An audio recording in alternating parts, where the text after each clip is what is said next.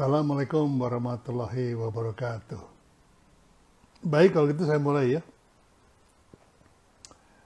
Jadi, minggu lalu itu saya diundang sama ID Cloud untuk menjadi pembicara ya, di Surabaya. Nah, saya dapat giliran nomor dua setelah Pak Sudamek tetangga saya yang punya kacang Garuda. Nah, karena hari pertama, giliran kedua, jadi oh, yang hadir tuh masih sangat antusias. Pak Sudamek kasih teori-teori marketing atau manajemen. Waduh, pada ngobrol tuh jadinya. Waduh ini saya bilang nggak kena nih audiensnya nih.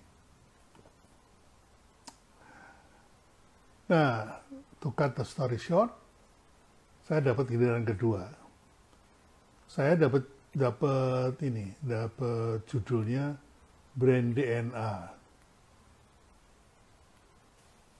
Nah, ketika saya jelasin tentang brand DNA, saya sisipkan cerita tentang pinball marketing.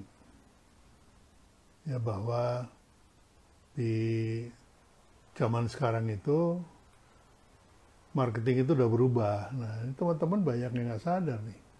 Termasuk yang hadir hari ini, banyak yang nggak sadar. Ada yang tahu nggak pinball marketing apa? Silahkan jawab di di kolom chat. Ada yang tahu pinball marketing apa? Nah, ini saya bahas, saya kupas tuntas di workshop uh, branding, marketing, selling yang nanti saya akan selenggarakan tanggal 14-15 Oktober. Ya, Bari Madu yang bilang tahu apa tuh? Jangan cuma ngegas doang. Coba kasih tahu pinball marketing itu apa? Nah, kalau belum pada tahu, nanti saya share ya. Malam ini saya share ya banyak yang nggak sadar sih tepatnya bukan belum tahu. Nggak sadar bahwa uh, era sudah berubah dari branding menggunakan WOM. Uh, salah.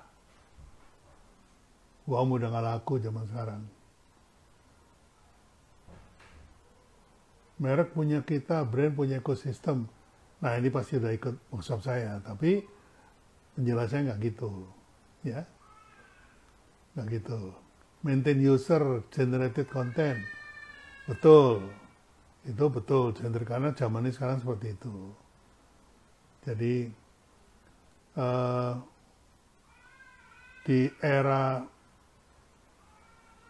pinball marketing ini kontrol tidak lagi di tangan marketer, kalau zaman dulu kontrol itu tangan marketer. Jadi kalau kalau punya program marketing ya langsung dilempar ke ke audiens ya. Nah sebelumnya itu orang-orang menyebutnya uh, bowling marketing. Ya. Eranya itu era bowling, di mana pemasaran itu dikontrol penuh sama marketer, oleh pemasarnya. Jadi, di ujung jalur sana, itu ada pin-pin warna putih ya disusun di ujung sana ada 10 nah 10 itu diteliti dan dipilih-pilih segmentasinya. Jadi uh, itu yang yang lalu disebut oleh marketer target market. Jadi kayak kayak main bola, main bowling ya, bowling itu pin itu ditarget tuh lemparin bola. Terus arenanya tuh lurus, licin gitu. Seolah-olah marketing itu jalannya mulus. Karena memang bowling itu nggak ada yang belak belok atau naik turun nggak ada. Jadi di persepsinya marketer itu hubungan antara marketer dengan target market itu mulus, licin. Nggak ada hambatan satu apa pun. Lalu setelah dipilih-pilih pinnya sesuai dengan uh, apa namanya sesuai dengan segmentasinya maka marketer ini lempar bola. Bola bowling itu besar dan berat. Ya. Besar itu artinya orang marketing butuh budget besar. Setiap kali launching sesuatu. Yang kedua berat. Jadi zaman dulu itu kalau ngelempar pitch kepada target market itu harus sesuatu yang berbobot. Diskon 5%, ah, cek-cek itu. Harus berbobot dong. 50%, nah berbobot. Produk cobaan improvement, ah nggak seru. Maunya itu produk yang disruption. Harus yang berat harga. Harga mahal. Ah, nggak seimbang dengan produknya nggak berbobot. Distribusi merata. Nah, ini apa namanya teman-teman harus tahu era bowling marketing ini sudah lewat. Jadi era melempar produk bagus dengan harapan strike. Wah, lempar harga bagus. Yang ditarget strike. Distribusi merata. Ditarget strike. Terus diskon 50% targetnya strike. Nah apa yang terjadi? Yang terjadi ketika Anda melakukan itu dan ternyata tidak strike. Ternyata lemparan Anda tidak uh, ada respon dari pasar, Anda bingung. Oh ya ini ada yang nanya nih, uh, buku marketing rekomendasi Pak Bi yang paling bagus apa? Saya sih standar-standar aja kan yang paling bagus. Dari 20 tahun yang marketing gitu-gitu aja. Terus Pak Bi buku di belakang Pak Bi itu dijual nggak? Enggak. Karena ini saya beli dari mana-mana. Oke, saya lanjut ya. Era bowling marketing sudah lewat. Ya. Sekarang ini eranya pinball marketing. Ya. Pernah main pinball belum? Pernah main pinball belum? Pinball itu ada arenanya itu berupa meja gitu terus uh, target marketnya itu macam-macam situ. Ada yang angka 300, ada yang angka 200, ada yang 100, ada yang kosong gitu ya. Itu menggambarkan bahwa ketika Anda melempar atau melaunching produk Anda, itu langsung digoreng tuh di ekosistem ting tong ting tong ting tong ting tong. Ada yang beli ada yang bela ada yang bully gitu. ya. Nah ketika bolanya sudah sudah apa namanya sudah loyo dia jatuh ke bawah tuh. Nah kita punya alat tuas dua biji di bawah yang dimainkan agar supaya bola dalam permainan terus itu namanya activation. Ya. Um, komentarnya dimatikan. Nah, saya lagi baca ya.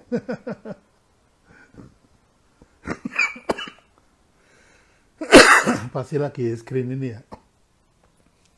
Screen capture ya. nah, um, ikut live bareng mau ngomongin apa? ngerti tentang bowling tentang pinball marketing? Saya topiknya pinball marketing nih. Ya. Jadi kalau cuma bahasa basi entar-entar aja. Nah, permainan pinball itu seperti itu. Jadi kalau namanya pinball marketing, yang paling penting perlu diperhatikan adalah ketika launching bola pertama dan aktivasi. Gitu ya, teman-teman. Jadi eh, bagaimana mengaktifasi supaya bola yang kita lempar itu, umpan yang kita lempar itu terus bermain di bergulir di antara ekosistem. Bola paintball itu kecil, enteng, ya. Itu artinya kecil budgetnya dan isunya enteng-enteng aja. Makanya uh, lewat TikTok atau lewat Reels itu banyak yang bikin konten-konten receh gitu. Tapi dimakan sama ekosistemnya. Nah, ini yang penting adalah bagaimana kita bisa mengontrol ekosistem itu supaya topiknya ataupun ceritanya itu itu sesuai dengan kemauan kita. Jadi nggak sembarangan ya teman-teman. Lempar harga murah, nggak diomongin di ekosistem. Karena orang nggak cari harga, bukan itu yang dicari. Nah makanya kenapa Anda harus belajar marketing 1.0, 2.0, 3.0, dan 4.0. Ya.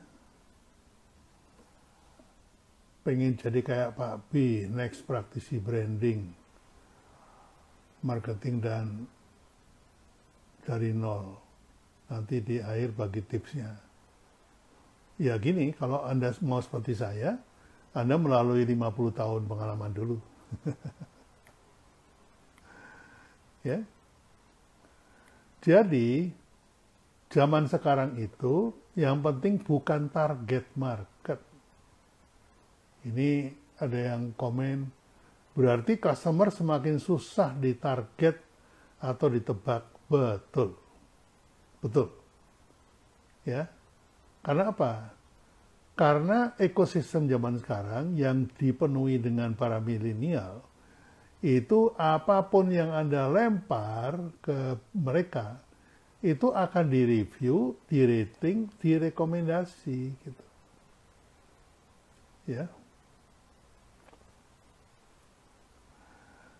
Jadi, nah ini ada pertanyaan bagus nih, Pak Pi, apakah uh, kasus artis prank polisi kemarin termasuk ke dalam pinball marketing?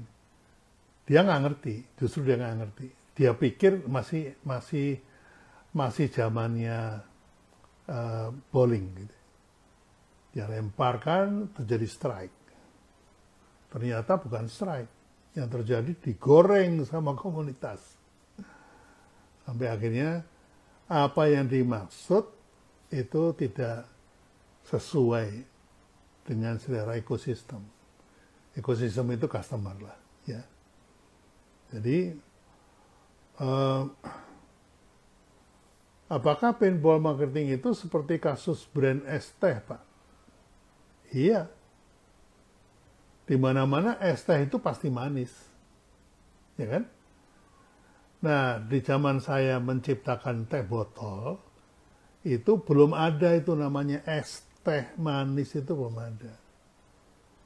Zaman dulu orang minum teh itu harus panas, hangat, atau apa namanya, atau uh, kental, nah, nasgitel. Panas lagi kental.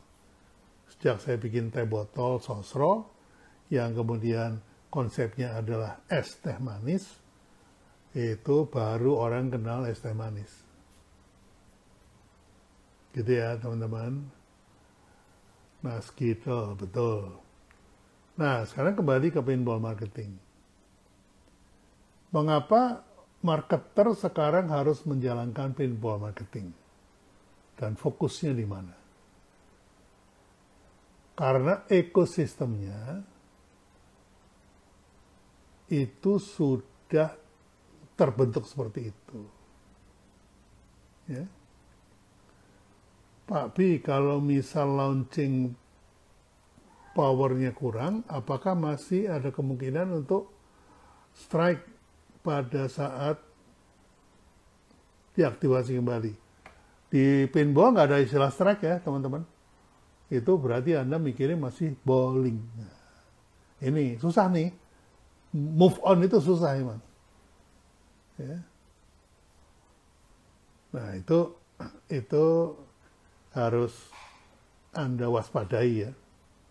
Kalau enggak, udah keluar budget gede, udah bayar influencer, sudah bayar brand ambassador, eh KDRT, bubar semuanya. digoreng sama ekosistem, digoreng sama para customer. Begitu teman-teman, ya, hati-hati sekarang. Zaman dulu main enak aja lempar diskon banyak, pasti dimakan. Sekarang zong. Makanya kalau saya bikin workshop ikut, karena workshop saya update. Bukan sekedar nyari-nyari di Google terus kemudian diajarin ke orang lain, enggak. Saya praktekkan. Gitu ya teman-teman ya. Jadi kalau mau lebih detail ikut workshop saya. Tapi kalau pengetahuannya mau mau ini mau update, nah, nah habis ini saya posting dari kemarin saya posting nggak sempat sempat. Maaf tamunya banyak banget. Nah, konsep pinball marketing itu silahkan googling, itu sudah ada ya. Jadi Mau nyubi, nggak nyubi, silakan aja. Googling, sama kok. Teorinya sama, dan penjelasannya juga sama. Yang beda itu adalah bagaimana Anda melaunching sebuah produk atau melaunching sebuah brand, dan itu Anda bisa mengontrol pembicaraan ekosistem. Itu ya teman-teman. Saya nggak cuma ngomong, ngomong. saya uh, saya juga meraktekin. Ya ada komen komen nih. Salim DC, saya ikut workshop kepake banget Pak Bi, terima kasih. Tuh dengerin tuh testimoni yang ikut workshop saya. Uh, Salim DC, saya ikut workshop Pak Bi, kepake banget. Nah, kalau misalnya Anda punya waktu dan punya dana lebih, Anda ikut yang offline. Nanti, wah baru kejadian kemarin ya. Saya akan adakan lagi ya tahun depan lah. Januari gitu ya. Tunggu, tunggu, ya, tunggu aja sampai Januari. Tapi kalau nggak sabaran, Anda bisa ikut workshop online saya. Workshop online ini sebetulnya tidak saya tujukan kepada teman-teman yang dekat-dekat sini ya saya tujukan pada teman-teman yang jauh di sana. Yang di Lombok, yang di Papua, yang di uh, Brunei, ya, yang di Malaysia, Taiwan, ya. ada yang di Amerika juga, di Eropa juga ada, ya. Jadi saya baru ikut S4 Copywriting Amazing. nah, ada yang nanya kan, antara branding, marketing, selling, dan magnet branding, workshop itu bedanya dengan workshop, workshop copywriting apa, Babi? Bedanya, kalau branding, marketing, selling, dan magnet branding itu adalah workshop untuk mindset, strategi. Nah, kalau copywriting, kemudian workshop jingle gitu ya, itu uh, Tujuannya untuk mempertajam skill set Anda.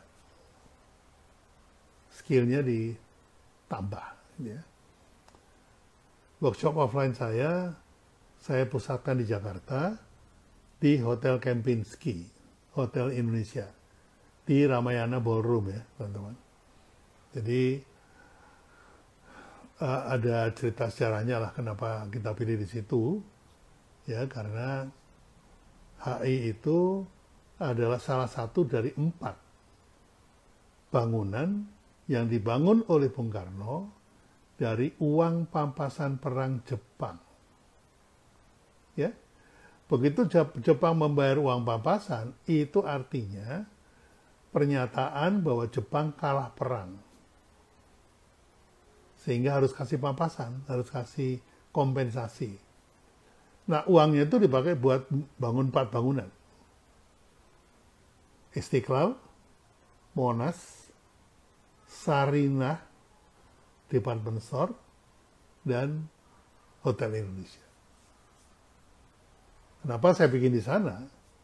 Karena Ramayana dan apa namanya Hotel Indonesia ini lambang dari kemerdekaan.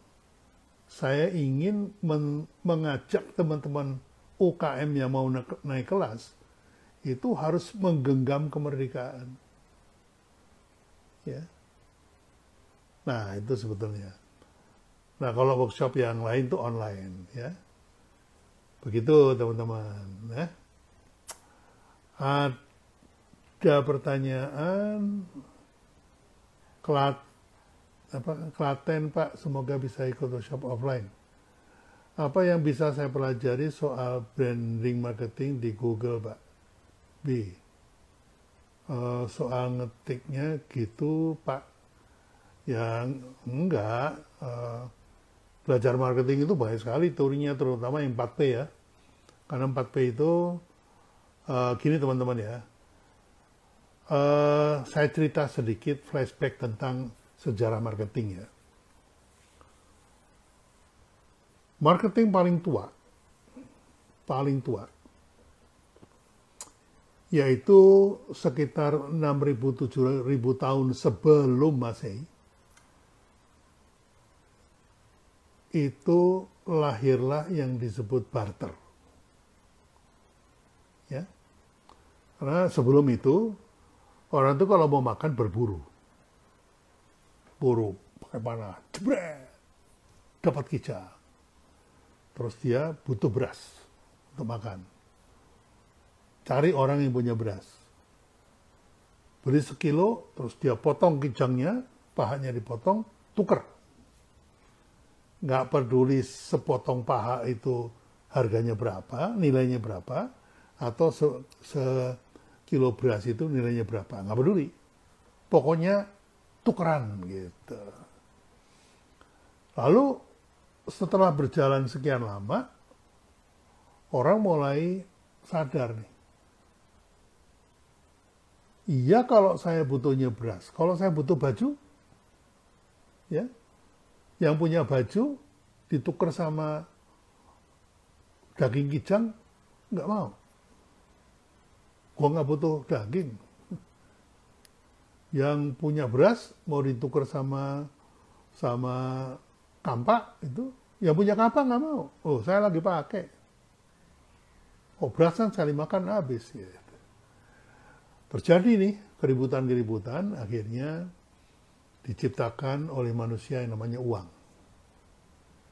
Nah, uang itu tujuannya bukan untuk transaksi, tujuan awalnya uang itu untuk menilai kampak ini harganya berapa, kemudian beras sekilo harganya berapa.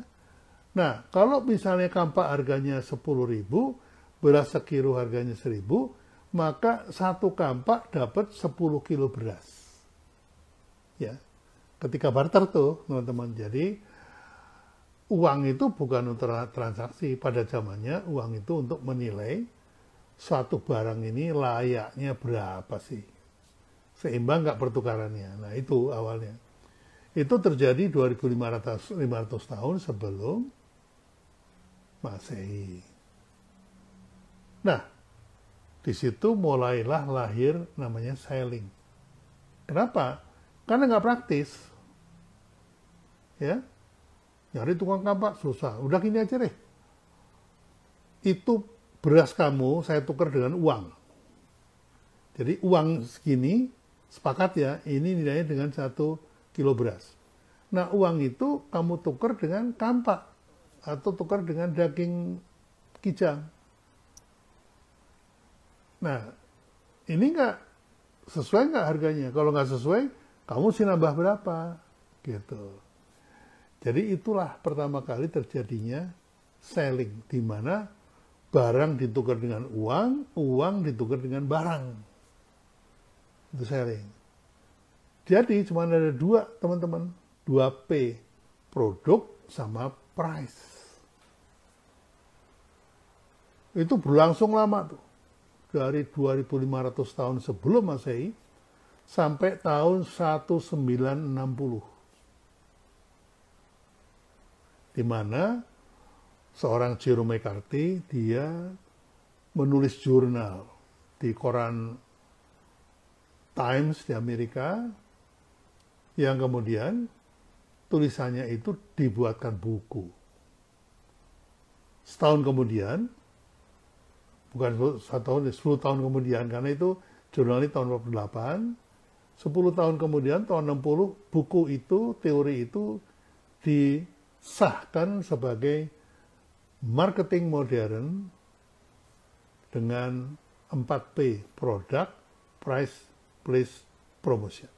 Ditambah 2P lagi nih, karena 2P doang itu nggak mencukupi, tambah 2P lagi. Nah, jadi barang siapa hari ini masih memakai marketing 4P, itu marketing yang lahir tahun 60-an marketing modern pada zamannya.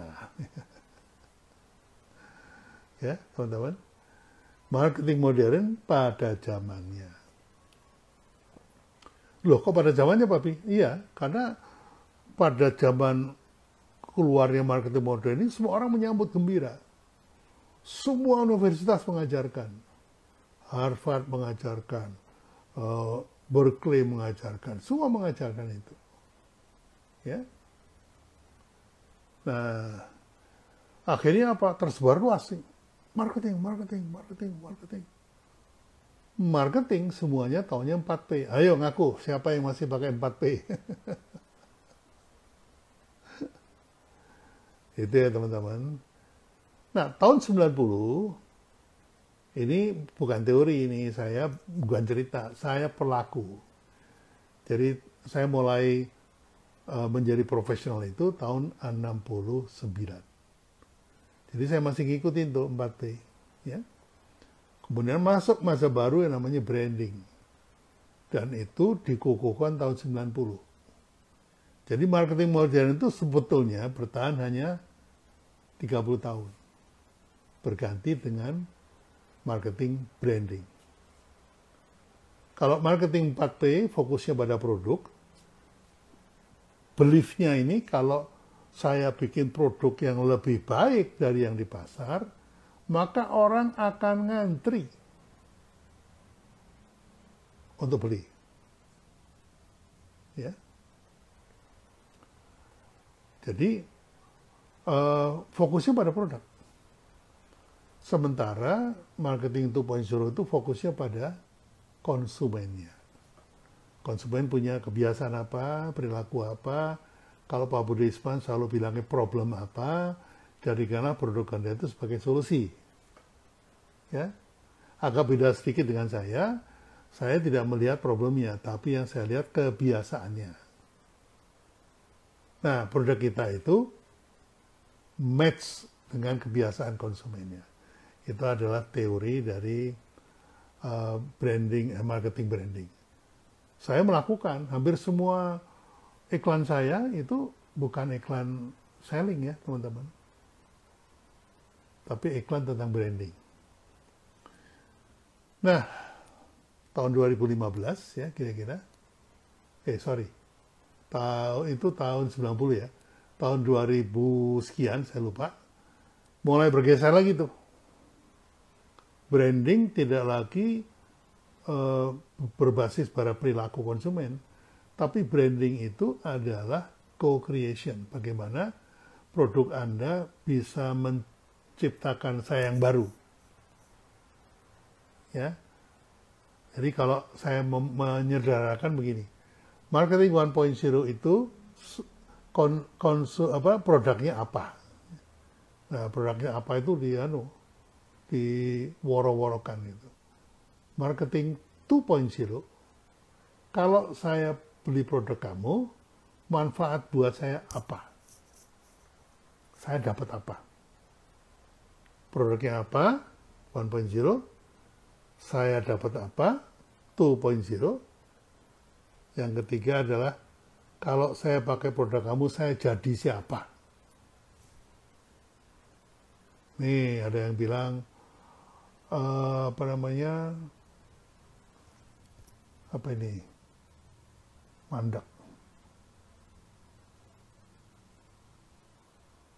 Kalau saya jualan bakso, saya dapat bakso. Manfaatnya apa? Kenyang. Enak dimakan kalau lagi hujan-hujan gitu ya.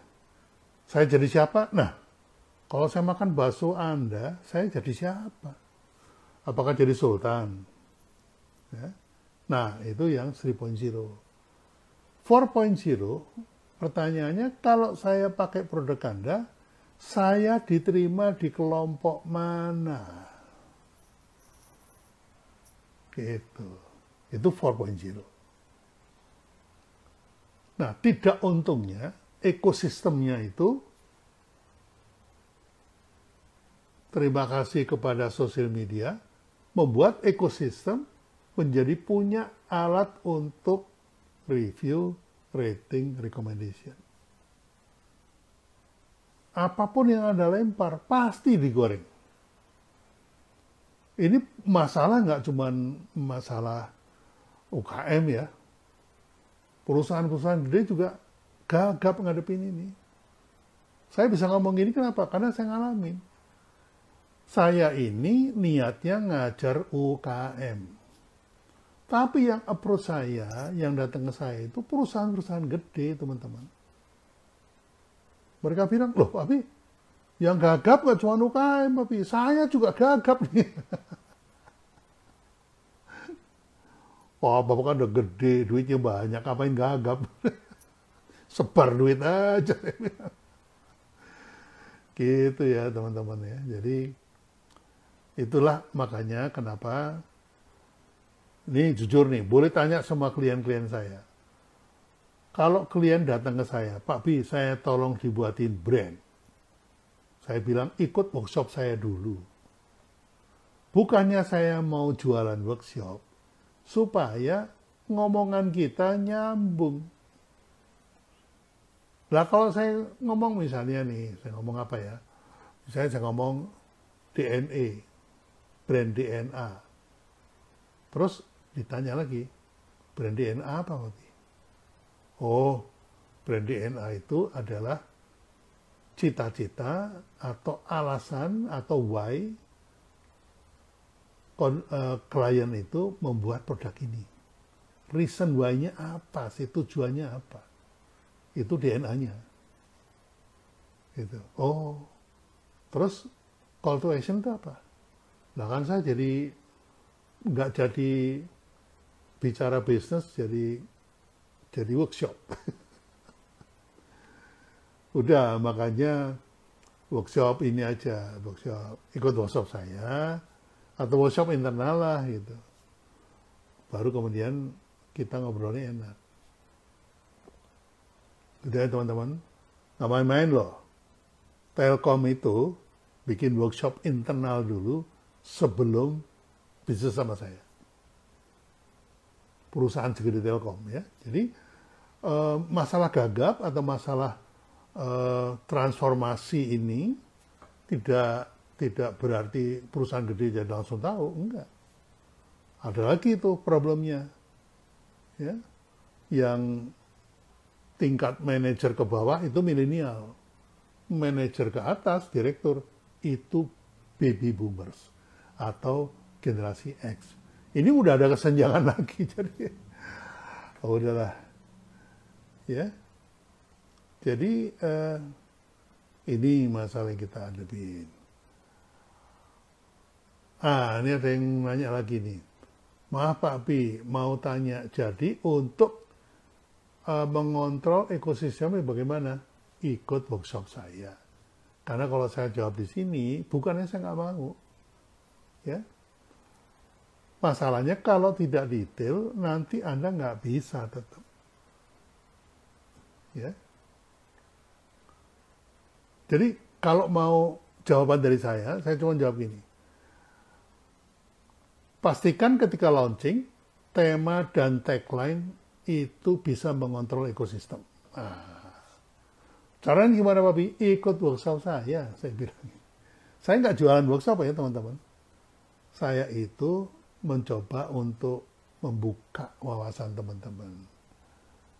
Gitu. Nah, ini ada pertanyaan menarik nih ya, sebentar saya bacain ya.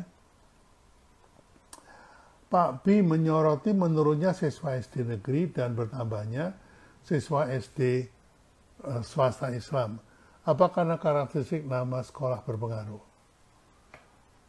Gini teman-teman, ini juga Anda harus tahu generasi zilenial yang sekarang sekarang sekolahnya SD itu, dia itu nggak suka dikasih pertanyaan, terus suruh ngisi form, itu nggak suka mereka itu, ini cucu saya nih, belajar mandiri lewat uh, YouTube. Itu bisa bikin konten, bisa ngedit konten, bisa ngedit lagu, segala macam. Jangan anggap enteng loh, zilenial itu belajarnya vision, lewat visual. Kalau generasi sebelumnya, generasi X, generasi Y, itu belajarnya lewat teks. Jadi, guru-guru yang ngajar SD kemarin-kemarin, itu gagap ngadepin muridnya. Kenapa? Guru-guru ini dulu dididik belajar itu tekstual, membaca buku. Anak sekarang suruh baca buku, ditutup, dibuang. Dia buka di YouTube. Dia googling dulu. Ada nggak sih marketing pinball yang diomongin Pak Bin? Muncul, berat. Diklik, tulisan nggak dibaca. Dia masuk YouTube. Dia cari pinball marketing, ketemu. Ya.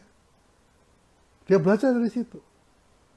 Jadi dari pertanyaannya saya tahu Anda generasi mana.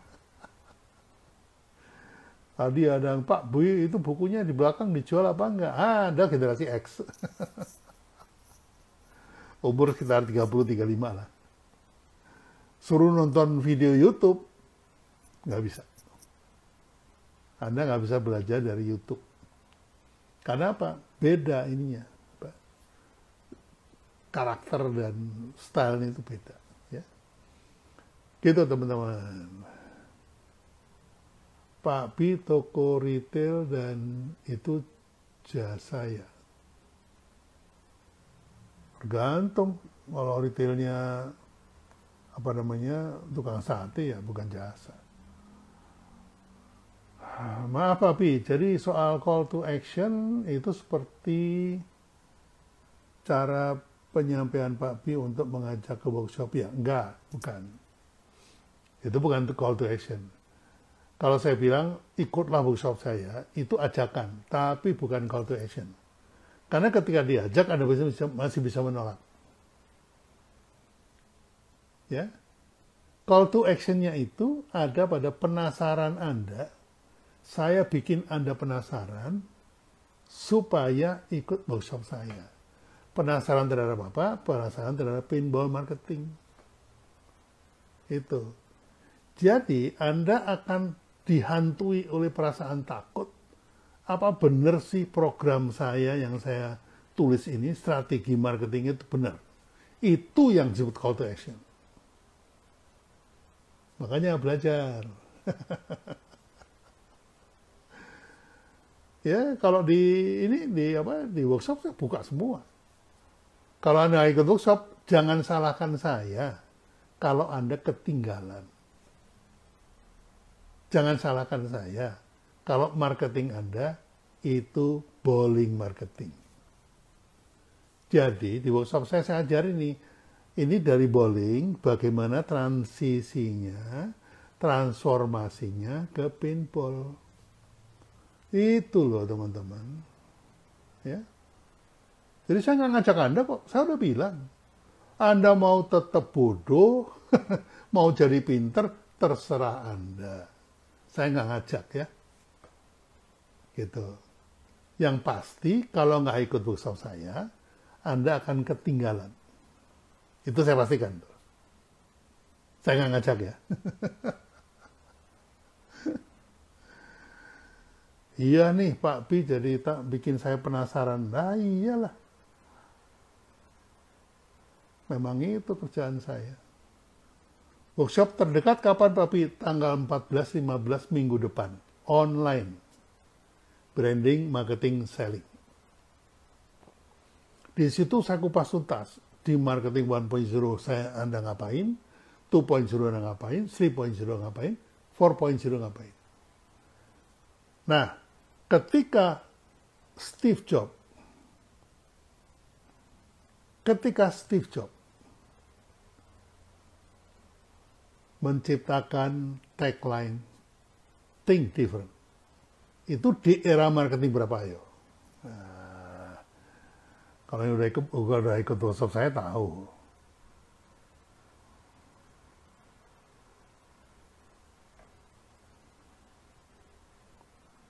Pak B bagaimana meningkatkan daya beli di lokasi usaha? Daya beli siapa nih? Masyarakat. Itu tanya pemerintah daerah pemerintah daerah dapat loh apa namanya alokasi apa namanya itu dana untuk desa gitu ada. Itu tujuannya untuk meningkatkan daya beli rakyat. Bukan dipakai buat bangun jembatan salah pemakaian itu. Ya teman-teman? Ayo mana jawabannya? Steve Jobs itu 2.0 2.0 salah Nah ini ada yang benar nih, 3.0. Ini pasti udah intip materi saya nih. Andrian Permadi. Ya benar 3.0. Rocky Yoktiviano juga benar 3.0. Ya. Jadi kita mesti tahu eranya, kita mesti tahu uh, ininya, strateginya. Jangan kita sudah di era 4.0, sudah paintball marketing, Anda masih pakai 1.0. Ngandelin produk lah segala macam ya. Gitu ya teman-teman ya. Oke baik, ini udah hampir jam setengah sembilan, saya belum makan malam. Uh, meskipun saya harusnya nih tadi paling telat makan jam 7, tapi tadi sibuk main sama cucu jadi lupa makan. Kalau nggak ada pertanyaan lagi, saya sudah ya teman-teman. Jadi saya kasih rangkuman ya bahwa ketika kita menjadi pelakon ya, menjadi pelakon ya bukan pelakor.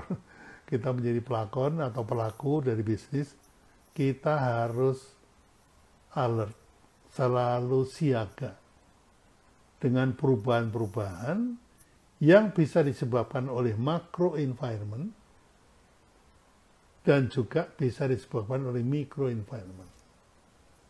Nah, apa itu? Nah, saya bahas juga di workshop.